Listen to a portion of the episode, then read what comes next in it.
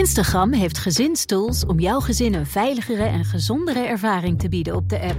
Wanneer tieners hun Instagram-profiel instellen, zorgt standaard privé-accounts ervoor dat wat ze posten privé blijft voor hen en hun volgers. Met een dagelijkse tijdslimiet help je jouw tiener om zich aan gezonde gewoontes te houden op de app. En door toezicht samen in te stellen, krijg je meer inzicht in wie ze volgen. Ontdek meer over deze en andere gezinstools op instagram.com/slash gezinstools. Het is uh, twee over half vijf. Goedemiddag. Jaren geleden was al duidelijk dat de fraudebestrijding aan het doorslaan was. En dat falen van het systeem dat kwam tot een hoogtepunt in de toeslagenaffaire. Nou, we weten het gevolg daarvan. Duizenden gedupeerden en het kabinet is opgestapt. Het komende kwartier spreken we erover met voormalig ombudsman... en hoogleraar staatsrecht Alex Brenningmeijer. Een heel goedemiddag. Goedemiddag. U was ombudsman, alweer een tijd geleden. Hè, dat hield op in 2014. Vlak kunnen we zeggen dat de Bulgare fraude de aanleiding voor een, een strenger beleid um, door RTL werd onthuld. Um, laten we even teruggaan naar die tijd. Dus dat is 2013, toen kwam het allemaal naar buiten. U, u was toen nog ombudsman. Wist u toen al dat ja, dit soort zaken speelden? Ja, de, het bureau van de ombudsman heeft in 2009 ook een rapport uitgebracht op eh, eigen initiatief. Uh, daarbij bleken wij ook niet helemaal juist te zijn voorgelicht door de Belastingdienst. Maar in die jaren heb ik steeds het fraudebeleid gevolgd en mm -hmm. de wettelijke maatregelen. En dat leidde mij tot, uh, tot de uitroep: de meeste mensen deugen. Dat heb ik in 2013 verbonden met mijn jaarverslag omdat u toen al zag dat het fraudebeleid van de Belastingdienst niet klopte. Dat is te streng. Ja, en, en uh, zeg maar het hele systeem van fraudebestrijding in de sociale zekerheid en zeg maar alle overheidssystemen, want het is in feite één, uh, één, één, één groot systeem, mm -hmm. dat uh, die fraudebestrijding veel te streng was en dat mensen veel te makkelijk in grote problemen kwamen.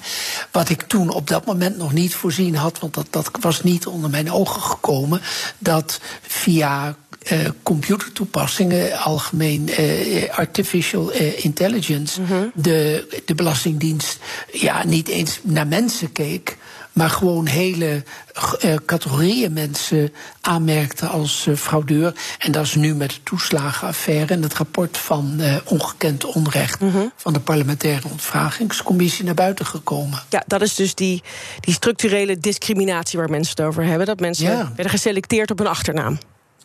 Ja, structurele discriminatie. En dat ging om dubbele nationaliteit. En ja, je zou haast wensen dat er eens een groepsfoto mogelijk was van alle getroffen ouders en alle kinderen. En dan zie je opeens wat er gebeurd is, namelijk dat het gewoon uh, een, een uh, racistische benadering is. En in Nederland mag je dat woord racisme niet gebruiken. Uh, premier Rutte heeft op een gegeven moment gesproken over institutioneel uh, of, of, structureel -hmm. uh, racisme. Maar daar is hier van sprake en dat is buitengewoon ernstig. Ja, en waarom, waarom noemt u het wel racisme? Omdat het gewoon onderscheid is naar huidskleur. En het woord ras wordt natuurlijk. Uh, ja, het woord ras slaat eigenlijk al nergens op. Maar uh, het, het, heeft de ernst dat men naar de, de uh, achtergrond gekeken heeft van mm -hmm. mensen, de etnische achtergrond. En dat waren Nederlanders. Dat ja. is het punt. Ja. Maar u heeft dus voordat die toeslagenaffaire überhaupt aan het licht kwam, voordat die Bulgare fraude er was, zag u al een systeem wat niet klopte. U heeft daar toen al op gewezen en niemand heeft geluisterd. Begrijp ik dat goed? Nee, dat klopt. Ik, uh, ik ben onder andere bij uh, uh, minister Asje geweest, die aangetreden was in Rutte 2, en mevrouw Kleinsma, de staatssecretaris. Ik heb ze toen aandacht ervoor gevraagd. Ik heb ook in de media aandacht ervoor gevraagd. En ik vond nu een bericht terug dat het ministerie van Sociale Zaken formeel zei: nee, de ombudsman die, die, die komt om ten onrechte met dit signaal. En het was niet mogelijk om een discussie daarover te starten. Hm. Ik kom zo even bij je terug, we hebben breaking news, Donatello. Ja, ondertussen komen er berichten binnen, Roos... dat het kapitool in Washington in de Verenigde Staten in lockdown zou zijn gegaan. Vanwege een dreiging van buiten, al dus de FBI. We zien op beelden roken in de buurt van dat gebouw. Nou, we houden het in de gaten en we komen direct hier terug op BNR als er meer duidelijk is. Ja, meneer Brenninkmeijer, dus weer terug, terug naar u. Zo gaat het op een nieuwszender. We hebben natuurlijk een lang gesprek. Dus er komt af en toe wat nieuws tussendoor. Maar we houden dit dus uh, in de gaten. Het kan ook zomaar niks zijn, hè? Dus laten we laten nog we niet op de, ja, precies, op de vooruitlopen. Um, had u met terugwerkende kracht niet harder moeten schreeuwen in die tijd, zodat iedereen nu beter had gehoord? Ja, dat, ja, laat ik het zo zeggen. Ik, ik heb op dat moment met de middelen die de nationale ombudsman had, alles in werking gezet. Um, maar het grootste probleem is, je kunt wel hard schreeuwen, maar als men niet wil luisteren, dan heeft het toch geen zin.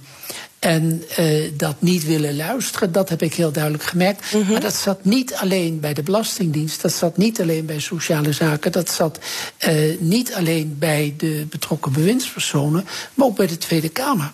Oké, okay, en ook bij Want media, denk ik dan. Ja, ook bij media. Het is, uh, ja, laat ik zo zeggen, fraudebestrijding is steeds een onderwerp geweest wat, uh, wat ja, sexy was, veel aandacht trok in de media. Ik, ik heb uh, er nu weer naar teruggekeken dat ook de media aandacht voor zeg maar uitkeringsfraude mm -hmm. onevenredig groot is in verhouding tot bijvoorbeeld witwassen of andere vormen van, ja. van fraude. Ja, en ik heb iedere keer ook de vraag gesteld, maar hoe vaak komt het nou voor? En ik ben het duur afgegaan voor studenten, de Sociale Verzekeringsbank, mm -hmm. voor bejaarden. Ik ben naar het, de, het UWV geweest. Men levert niet zo makkelijk cijfers aan. Maar als je dan gaat rekenen, kom je uit op 0,0, nou noem maar wat, procenten. Maar een heel ja. klein percentage echt uh, fraude. Maar de, de, focus op die fraude was dus veel te groot. Nou, we, we, hebben dus nu allemaal de gevolgen gezien. Vraag is dan natuurlijk, hè, want het zal, het zal u niet verrast hebben dat dit allemaal gebeurd is. Want het is in feite een voortzetting mm -hmm. van, hè, van, van wat u al, uh, al zag al die jaren geleden. Nu moet er verandering komen. Ja. Hoe? Ja, en dat is niet eenvoudig, want die verandering heeft niet alleen te maken met fraude en fraudebestrijding. Die verandering hangt samen met, zeg maar, een, een, een, een, een fundamenteel probleem in Den Haag. Het is een, Den ha een Haags probleem. Mm -hmm. uh, een probleem dat geconcentreerd is op uh, de vierkante kilometer rondom het uh, Binnenhof. In die zin, het gaat om ministeries, dus kabinetten en, en ministers in kabinetten, die, uh, die onvoldoende openstaan voor terugkoppeling, voor signalen van buiten. Mm -hmm. Het gaat om een Tweede Kamer die gewoon slecht functioneert, durf ik te zeggen. Er wordt weinig over gediscussieerd, maar de Tweede Kamer functioneert slechter, eh, slecht. En van verkiezing tot verkiezing zien we dat de kwaliteit van de Tweede Kamer verder achteruit gaat. Wat doen ze verkeerd? Uh, dat is een optelsom van. Uh, de Tweede Kamer is medewetgever. En om de stroomwetgeving vanuit de ministeries goed te begrijpen, heb je fracties nodig van ongeveer 20 mensen. En met 20 mm -hmm. mensen, minder dan 20, lukt het je niet eens om de stroomwetgeving bij te houden. Nou, dan kunt u kijken naar de Tweede Kamer hoe dat dan uh, werkt. Het tweede is, in de Tweede Kamer ligt de meeste aandacht bij de waan van de dag. Als ik nu iets ergs zeg, dan krijgt de minister een vraag daarover. Ja. He, en, en dat loopt via de media, dus mm -hmm. het is ook de, de, de, de, de, de, zeg maar de te intieme verbinding tussen media en, uh, en de Tweede Kamer. Waarbij de Tweede Kamer eigenlijk een doorgeefluik wordt in de richting van de minister. Ja. En, en, en, als je dan uh, weer uitzoomt, hè, dan zie je dat ja. diegenen die dan bijvoorbeeld stukken naar boven willen halen via nu nog uh, het WOP-verzoek dat die dan alleen maar zwartgelakte pagina's krijgen. Als ze überhaupt al ja. wat krijgen. Want he, ook, ook daar worden regels overtreden.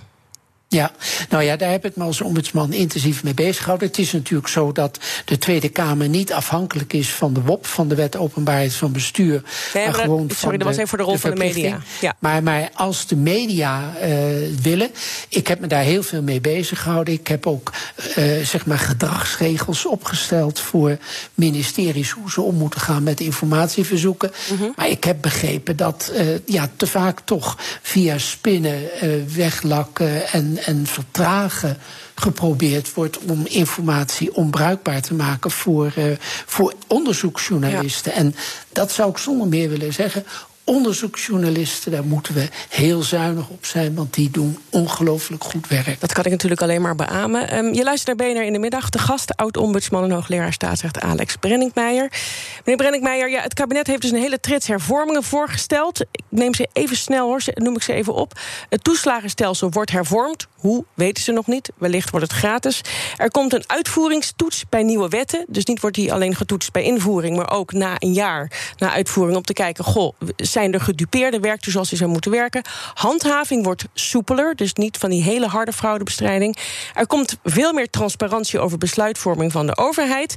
En er komt een brede aanpak tegen discriminatie door de overheid. En dat laatste punt wilde ik het met u over hebben. Want u noemt het racisme. Um, anderen noemen het weer discriminatie. Is het niet belangrijk dat, dat iedereen weet waar het nou hier exact om gaat om het goed aan te kunnen pakken? Ik denk het wel. Ja, ik denk dat gewoon. Een, kijk, wat ik zei. Maak nou een groepsfoto van de mensen om wie het gaat. En je weet in één keer wat er, uh, wat er gebeurd is, hoe mhm. mensen even, in de hoek zijn. Even voor de duidelijkheid, als we dat zouden doen, hè, om het toch even beelden te maken, want ik denk dat ik u begrijp. Wat zouden we dan op die groepsfoto zien, meneer Brenninkmeijer? Dat het overgrote deel van de mensen die getroffen zijn, uh, niet uh, zeg maar de gewone witte Nederlandse burger is, maar dat het allemaal mensen met een kleur zijn. Ja, en als we dat op die foto zouden zien, dan zouden we ineens in één oogopslag zien hoe heftig waarom dat is. Minister, eh, waar, waarom minister-president Rutte zei dat, dat ze zich diep moeten schamen. Dat we ons diep moeten schamen. Maar hoe lossen we dit, ja, sorry, hoe, hoe lossen we dit nou op? Hè? Want dit zit dus ook in, in die algoritmes van, van de Belastingdienst. Ik kan me niet hmm. voorstellen dat, dat de individuele, individuele ambtenaren allemaal racistisch zijn. En dus je moet het veel breder, moet, moet dat opgelost worden. Waar begin je? Ja, zeker. Nou ja, het is zo dat het uh, college voor de Rechten van de Mens uh, een, een, rol gaat vervullen bij het, uh, zeg maar, trainen en opleiden van, uh, van ambtenaren. Om ze bewust te maken van hoe discriminatie, racisme werkt in, in bureaucratische organisaties. Mm -hmm. Dat kan helpen. Maar het gaat ook om de veroordelingen. Want er zijn natuurlijk ook politieke partijen die dit prediken. En ik ga nu niet een politieke partij noemen, maar. Maar u bedoelt de PVV? ja, een belangrijke politieke partij. Eh, die wil een ministerie van remigratie. Maar dan voor Nederlanders met een kleur. Mm -hmm. De PVV. Ja. ja, nou dan kun je vragen, wat is hier aan de hand? En dat is natuurlijk wel vervelend. Uh, dat, dat, dat zijn eh, lastige dingen. Want aan de ene kant kun je zeggen, fantastisch in een democratie dat dit soort dingen, uh, dit soort stemmen ook gehoord kunnen worden. Maar tegelijkertijd moet je constateren dat het de bijl aan de wortel van de democratische rechtsstaat is. Hè. Dus daar zit een, een geweldige tegenspraak in. Maar bent u dan bang dat uh, dat, dat soort dingen salonveeg worden en dat daardoor ook organen, excuus, ik ging met een pen gooien, bij de overheid um, nog, nog langer blijven discrimineren? Is dat wat u zegt? Nou, het, speelt wel een, het speelt zeker wel een rol. Ik, uh, het, het, is heel pijnlijk om te zeggen, maar bijvoorbeeld, uh, hoe, hoe, zit het nou bij, bij instanties als de, de politie?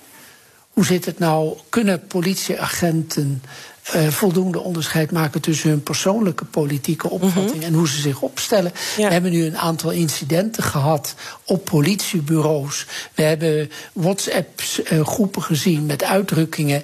Dat je zegt, ja, maar jongens, dat kan toch niet? Ook bij de Belastingdienst schijnt er ook sprake te zijn van ja, ronduit racistische communicatie tussen collega's.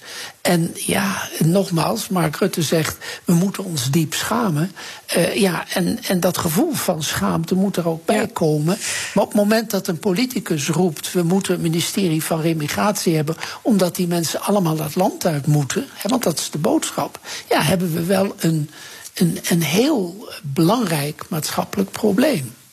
Maar als ik u zo hoor, en als ik ook trouwens het lijstje zie van, uh, van het uh, inmiddels demotionaire kabinet over wat er moet gebeuren, dan, dan lijkt het alsof, klinkt het alsof we over tien jaar er nog niet zijn. Er is veel werk te doen.